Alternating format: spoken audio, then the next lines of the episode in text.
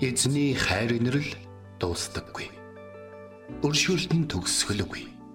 Өглөө бүр энэ нь цоо шин.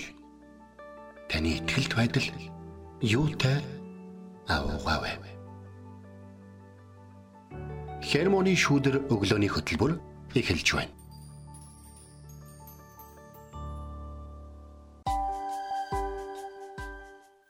Өглөөний минь Өглөөний мэд. Итгэл радиогийн эфирээс хермоны шүдэр өглөөний хөтөлбөр инхөө эхэлж байна. Эфирт пастор Сайна болон хөтлөгч Билгэнаар ажиллаж байна.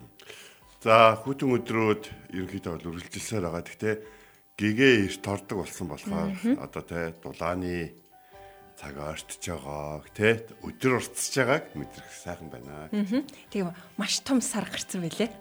Бүр тэнгэрдэх тэр сарыг хараа вау гэдэг өглөө сая алхаад ирж байхдаа маш үзэгсэлнтэй. Би бас зургийн дараал авсан. Тэгсэн үү. За тэгээд нэвтрүүлгийн нэгэн асуултаар эхлүүлэе гэж бодлоо. За. Өнөөдөр бурхан таныг ямар ажилд дуудаж байна вэ? Сонсогч та эргцүүлээд бодоорой. Өнөөдөр бурхан таныг ямар ажилд дуудаж байна вэ? Тэгээд э, та үүнийг бас биднэрт комментээр хуваалцаж болно тий. Манай лавын дор бидэнтэй бас хуваалцаарай. Магадгүй тэр дуудаж байгаа тэр зүйлийг хийхэд таны бэлэг авьяас, ур чадвар байхгүй, хүрхгүй юм шиг танд санагдаж байж болох юм. Гэхдээ бурхан таныг дуудсан л бол тэр өөрөө танд хүчийг өгөх болно гэдгийг та санаарай. Яг үндэ бурхан шаардлага хангасан гэж дууддаггүй. Харин дуудсан бол шаардлага хангасан болгодог юм аа. Та өөрөө хиймээр байвал бурхан таныг төсөөлснөөс чинь чи илүүгээр таныг гайхалтайгаар ашиглах болно шүү гэдгийг та санаарай. Тэгээ бурхан таныг юун дээр дуудаж байна. Тэгэхээр э, бид нар юунтэй дуулж байна гэдэг дээр а жоохон бодно. Юу бодох вэ гэхлээр эзэн өнөөдөр хүртэл намайг те юу туулолоо. Юунд бэлдэв? Юунд цоргоо? Бас миний эргэн тойрон хэн байна? Миний надаар хэлэх гээд байгаа тэр зүйлд нь ямар саад бэрхшээл вэ? Тэгээд магадгүй маш том саад бэрхшээл ах юм бид. Вау, энийг одоо намайг давж гарч чадна гэж бодсон юм ба та. гэж бодно тийм үү? Магадгүй ухаан дотох юм байгаа. Хөөх, миний толгой энд хүрнэ гэж бодсон юм ба та гэдэг юм. Гэтэл бас эргэн тойрны хараараа. Бурхан хүмүүсээр дамжуулан ажилтдаг байхгүй. Тийм учраас л таныг дуудсан. Амен.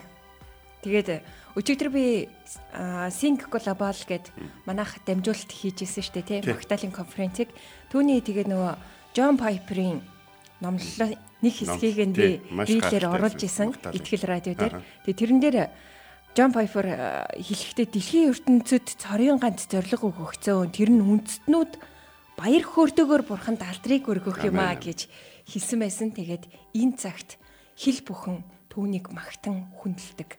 Тэгээд эзний өмнө ирж түүнд алдар магтаалыг өргөцгөөе.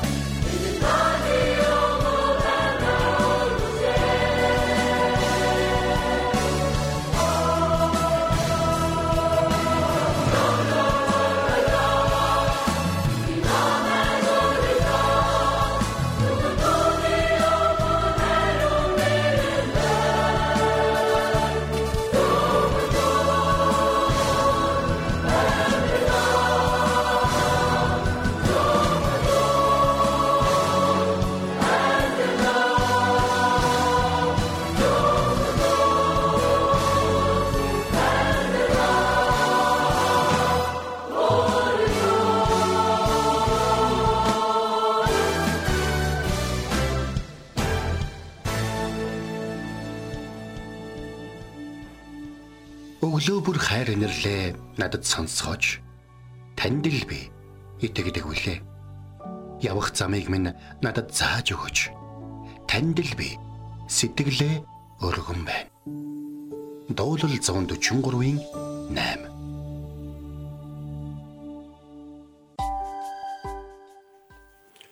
За өнөөдөр бид нар хамтдаа 1-р Коринтын 8-ын 2-оос 3-ыг хамтдаа ярилцгаа.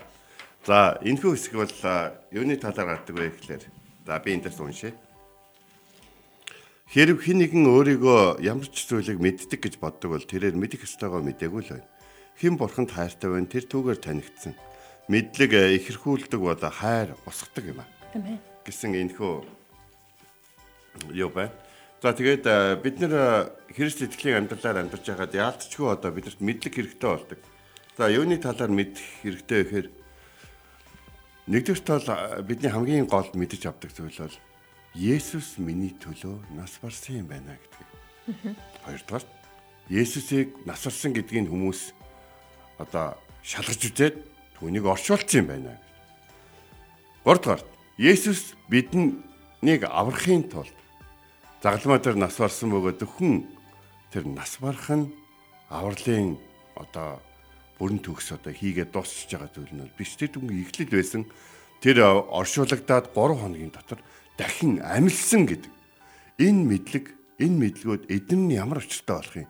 Энэ надад яагаад чухал юм те? Яагаад Иесус заавал өгөх замыг сонгосон юм те? Бас яагаад заавал оршуулгадаж бас яагаад амилах тийм үү? энэ зүйлүүд болсон бэ гэдэг бид өөрсдөө маш сайн мэддэг байх нь. Энэ гайхалтай зүйлийг бурхан бидэнд хийж өгчөөд хахад дундуур нь орж ирээд янз бүрийн юм яриад биднийг энэ зүйлээс холдуулах гэдэг. Тэдгээр муу нэгэн муу хүмүүс, итгэдэггүй хүмүүс одоо юу гэдгийг те зарим зүйлийг хүлээж авч чаддаггүй хүмүүс, өөрийгөө уурчилдаггүй хүмүүс, а бас юу гэдгийг бусдыг те одоо гаднах байдлаар нь шүүж явдаг. Тэдгээр хүмүүсийн биднэрт одоо бидний жихэнд ярьж байдаг зарим талаар донгосч байдаг тэр олон зүйлүүдийг эсэргүүцэхэд тусалдаг. Тэгэхээр Паул бол Коринтод бол 18 сарын туршид үйлчилсэн байдаг. Үйлчлэгтээ Паулор Коринт хотынд 11 цагаас өдрийн 4 цаг хүртэл Паул Тураны сургууль буюу тэр Библийн мэдлэгийг мэдээж Паул бол Есүсийн талаар ярих зүйл бол тухайн үед бол баг байсан. А тэгэхээр Есүс юу хийцэн бэ? Бурхан яагаад заавал өөрийн хүүг илгээгээд энэ бүхнийг хийсэн бэ гэсэн Бурхны талаар мэдлэгийг Есүс маш их заадаг гэсэн. Бурхныг ойлгож мэдэх юм бол Бурхан яагаад бидний шиг сул дараа амьдтыг аврахын тулд, хүнийг аврахын тулд хүүгөө өгсөн бэ гэдгийг бид ойлгож байна. Ингээд Паул Коринт хотыганд маш их зүйлийг заах хэрэгтэй болсон. Яг бол тэдэд бүгдөөнд нь асуулт байсан. Төрөө Германы шүдэр эхлэхийн өмнө нэг асуултаар эхлэе гэсэн шүү дээ. Нэг асуултаар эхлэе гэж. Тэгэхээр тэдэд бүгдөөнд нь асуулт байсан. Яг тэгэхээр Коринт хотын энд тэндээс цугласан хүмүүс байсан байхгүй. Коринт тэгээд уугуул иргэд гэж баг байгаагүй. Энд тэндээс цугласан хүмүүс байсан учраас өөр өөрсдийнхөө шашинг аваад ирсэн. Өөр өөрсдийнхөө амьдралын хэм маягийг аваад ирсэн. Өөр өөрсдийнхөө амьдралын одоо ухааныг болоод, туршлагыг болоод, хандах хандлагыг болоод бас тэд нэр дуртай дургу янз бүрийн хүмүүстэй нэгдээд нэг хотод амьдрах болчихсон тийм хүмүүс байсан.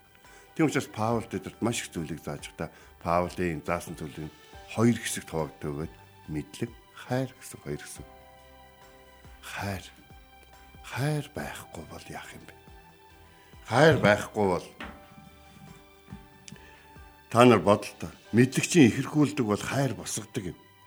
Энд баахан шүтэнүүд та нарын грекийн нутгасаа авчирсан шүтэнүүд чинь ч та нар энд ирснийхаа дараа багада харж ирсэн одоо шүтэх хэрэгтэй байхаа хүний газар байгаа юм чигээд босгосон шүтэнүүд чинь ч байна энд грекигч байна, азигч байна, самар самарын одоо аймагуудынхч байна. Энд тэр байтга тэр зэрлэг бүдүүлэг аймагуудынхч тэр байтга өмнөд Африкийн хойд хойд Африкийн ч юм уу янз бүрийн тэр Ромын эзэнт гүрний тэр боолчлолд байсан улс гүрэн болгоноос ирсэн шүтэнүүд байна. Та нар шүтэний талаар мэдлэгтэй гэдгийг чинь би мэдж байгаа. Харин та нар хайрын талаар хэр зэрэг мэдлэгтэй вэ? Учир нь бурхан бол шүтэн биш шүү дээ бурхан бол тоосын очиод бодгийн сэргээгээд өмнө тавьсан юм дахин дахин аваад тэрийгэ хэр зэрэг тавьж байгаагаараа өөрийнхөө хайрыг одоо үнэлдэг тийм нэг юм биш шүү дээ. Бурхан аль хэдийнэ бидний амьдралын хамгийн чухал зүйл болох авралыг бидэнд хийгээд өгсөн. бид үүний талаар мэдлэг байхгүй бол Бурхны хайрлах хайр болоод түүний хүмүүсийн хайрлах хайрын дотор нь орчиж чадахгүй гэсэн үг. Тэгэхээр энэ мэдлэг өөрөө хамгийн чухал мэдлэг нэг байхгүй. Тэгээд э, Паулийн их олон олон гайхалтай өгöd байдаг л да мэдлэг их хэрхийг болгодог тийм. Бас нэг зүйл нэхэр мэдлэг алга болно шүү дээ. Хэсэг хугацааны дараа харин хайр үлдэн шүү дээ гэж. Тэгэхээр бид нэр олон зүйлүүдийн дотроос бидний хамгийн гол ойлгож авах хэрэгтэй зүйлүүд хэрвээ хин нэгэн өөрийгөө ямар нэгэн зүйлийг мэддэг гэж боддог байсан бол тэр мэдэх ёстойгоо мдэггүй л байна. Хин бурханд хайртай байна. Тэр түүгээр танигдсан гэж хэлсэн байна. Тэгэхээр бурхан мэдлэг дотор хайр дотор бидэнд илүү их танигддаг. Бурхныг мэдсэн хүн мэдлэгээрээ биш харин бусдыг хайрлаж байгаагаараа илүү бусдад танигддаг гэсэн үг болж байна. Тэгэхээр хайрын үр жимс гэдэг энэ хүү үр жимс нь Библиэлд бид нарт бүгдөөндний ингүүл тэгэн тэгвэл ингэн гэсэн хайрын заавар бол байхгүй. Харин бид бол яадаг гэхээр янз бүрийн хайр хэрэгтэй хүмүүсийн дунд амьдарч. Тэгээд бид юмыг сурд мэд юмыг мэддэг болох амархан л да. Харин хайрладаг болох хэцүү. Тийм учраас тэр хайрын талаар тэр гуйлгыг болоод хайрын өтер хүч чадлыг бурхнаас зорж авахаас арга байхгүй. Учир нь би энэ хүнийг хайрлах чадахгүй юм байна гэсэн шалтгаыг бол бид мэдлэгээрээ маш их олон байдлаар илрүүлж болж чадна. Харин бурхан яагаад энэ хүнийг хайрладаг юм бол бурхан хайрлах байсан бол яаж хайрлах юм бол Есүс байсан бол яаж хайрлах юм бол гэдэг ингэх юм бол бидний мэдлэг биднийг ихэрхийг болгож тэр хүний хайрлах хайраа хэмжиж яхад харин хайр бол яаж юм гэхлээр тэр хүний хизээч надаас хүртэн надаас авна гэж бодоагүй хайрыг бурхны хүч чадал миний дотроос бий болгодог гэсэн болж байна. Тэгэхээр бид мэдэх ёстойгоо мдээгүй л байна гэсэн болж байна. Хэрэв та хайрлахыг мдээгүй байгаа бол та мэдэх ёстойгоо мдээгүй л юм байна. Та энэ олон жил Христэд итгэсний дараа эргэн тойрны чи хүмүүс таны хайраар дутсан юм бол таны хийж их зүйлээр дутсан байхыг үгүйсэхгүй л дээ. Яг тэгэхээр хүний чадал чи хязгаартай юм чи. А харин таны хайраар дутсан байх юм бол та яг гол зүйлээ ойлгоогүй.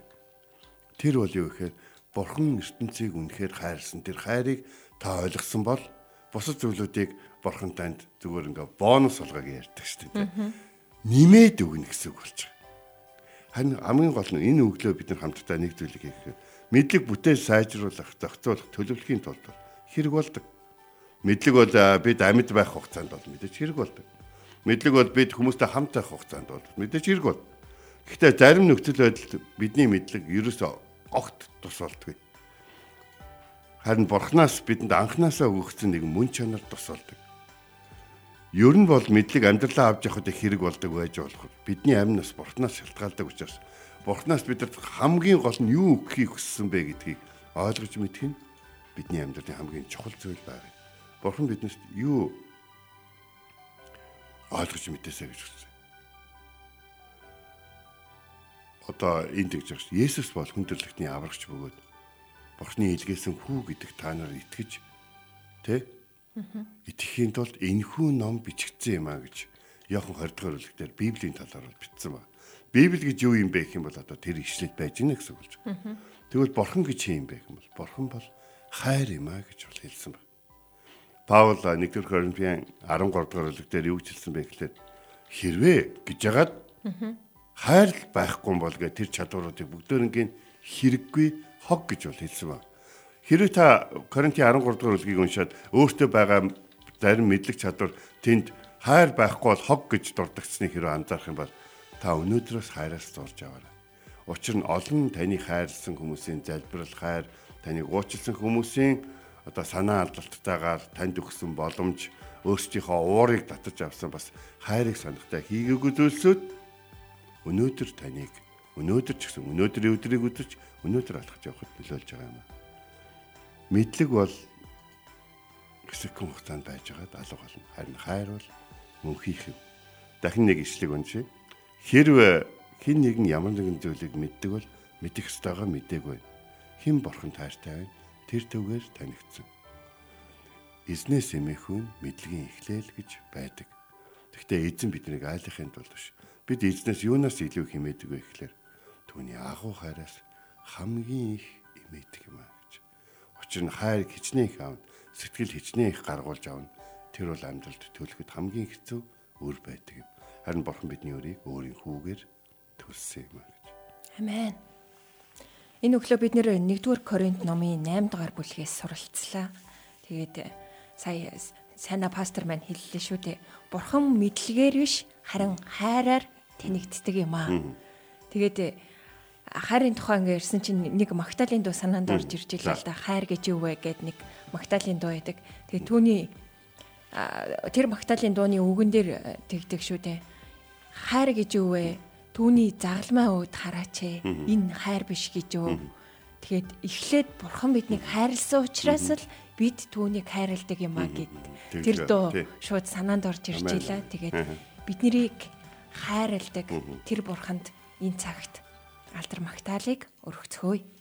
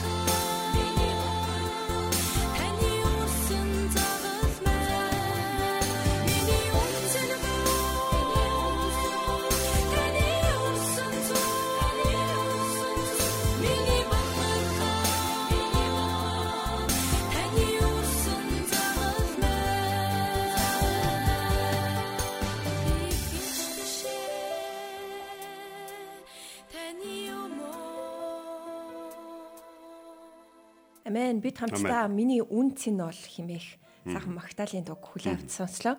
Өнөөдөр бид 1-р Коринт номын 8-р бүлгийн 2-оос 3-р ишлэлээр суралцлаа. Хэрв хэн нэгэн өөрийгөө ямар ч зүйлийг мэддэг гэж боддог бол тэрээр мэдэх ёстойгоо мэдээгүй л байна. Хэн бурханд хайртай байна тэр түүгээр танигцаан химэх ишлэлээ суралцлаа. Зарим хүмүүс өөрсдийгөө мэдлэгтэй химээ худал тодорхойлж бардамцнараа бурхны хайраас орхигддог гэдгийг сонсогчдаа санаарай. Мэдлэг бол дуустдаг. Харин бурхны хайр хизээч дуустдаггүй юм аа. Тэгээ түүний хайр дотор явцгаая.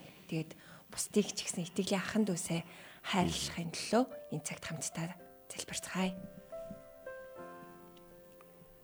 Тэгэхэд минь энэ цаг мөчид хүмүүс бидэнтэй харилцаж байх үед, уулзаж байх үед биднийг мэддэг гэж боддог, өөрсдөө хэрэгтэй гэсэн мэдлэгийг биднээс асууж аваад яваад байна. Тэд биднээ хичнээн их заалгасан ч гэсэн э, тэд яваад байна. Тэд э, бас тэр мэдлэгийг амьдралынхаа аль нэг хэсэгт ашиглаад тэд хизээ нэгэн цогт бас тэр өөр мэдлэг хэрэгтэй болоо дахин мэдлэгийн эрэлт гарна. А хэрэв бид өөрсдөө Бурхан таны хайрыг сурсан бол хэрэв бид өөрсдөө Бурхан таны хайрыг амсч ирсэн бол тэдэрт өгөх хамгийн гол зүйл нь таны бидний зүрхэн дотор тэдэнд зориулж хадгалж байгаа тэр хайрыг нь дамжуулж өгөх байхыг хүсэж байна. Тиймээс энэ цаг учраас танаас гуйж байна. Та биднээр дамжуулан хайрлахыг хүссэн хүмүүсийг хайрлж өгөөгүй учраас уучлаарай. Та биднээр дамжуулан урамшуулж өгөх хүмүүсийг бид өөстөө га харахтаа бид өөрсдөө хэн билээ гэж хитрхи их бодохдоо бид өөрсдийнхөө талаар мэдлэгт хитрхи их таны хайраас илүү одоо анхаарал хандуулахдаа таны бидэрт өгсөн хайрыг болоод биднэр дамжуулан өгөхийг өгсөн хайрыг дамжуулаагүй бол уучлаарай. Энэ өглөө энэ өдрийг хайрын өдөр байлгахад туслаач. Энэ өдөр өөрсдөдөө хамт байгаа хүмүүсийг хайрладаг тийм өдөр байхад хайрлахыг сурж эхлэх тийм өдөр байхад туслаач. Учир нь мэдлэг өнөөдрийг хүртэл бидэнд тийм ч их зүйлийг өгсөнгүй. Харин таны хайр бидэнд мөнх амийг өгсөн юм чинь өөр юуг нэмж өгөхгүй гэж таны хайрын талархан таны хайрын жинхэнэ илэрхийлэл бол загалмаа дээр хадагдан алгацсан бидний эзэн Есүсийн нэрээр залбирэн гуйлаа. Амен. Энд хүрээд хермоны шүдэр өглөөний хөтөлбөр өндөрлөж байна. Бидэнтэй хамт исэн сонсогч танд баярлалаа. Амралтын өдрүүдэд эзний ивэл өрөөлөөр дүүрэн өнгөрүүлээрэ. Тэгээд даваа гарагт энэ цагтаа эргээд болцгаая. Эзэн таныг Харж хандах болтугай. Баярлаа. Халелуя. Эзэн зүрхийг чинь бурхны хайр ба Христийн төвчөрт чиглүүлэх болтугай. Хермоны шүүдэр өглөөний хөтөлбөр танд хүрэлээ.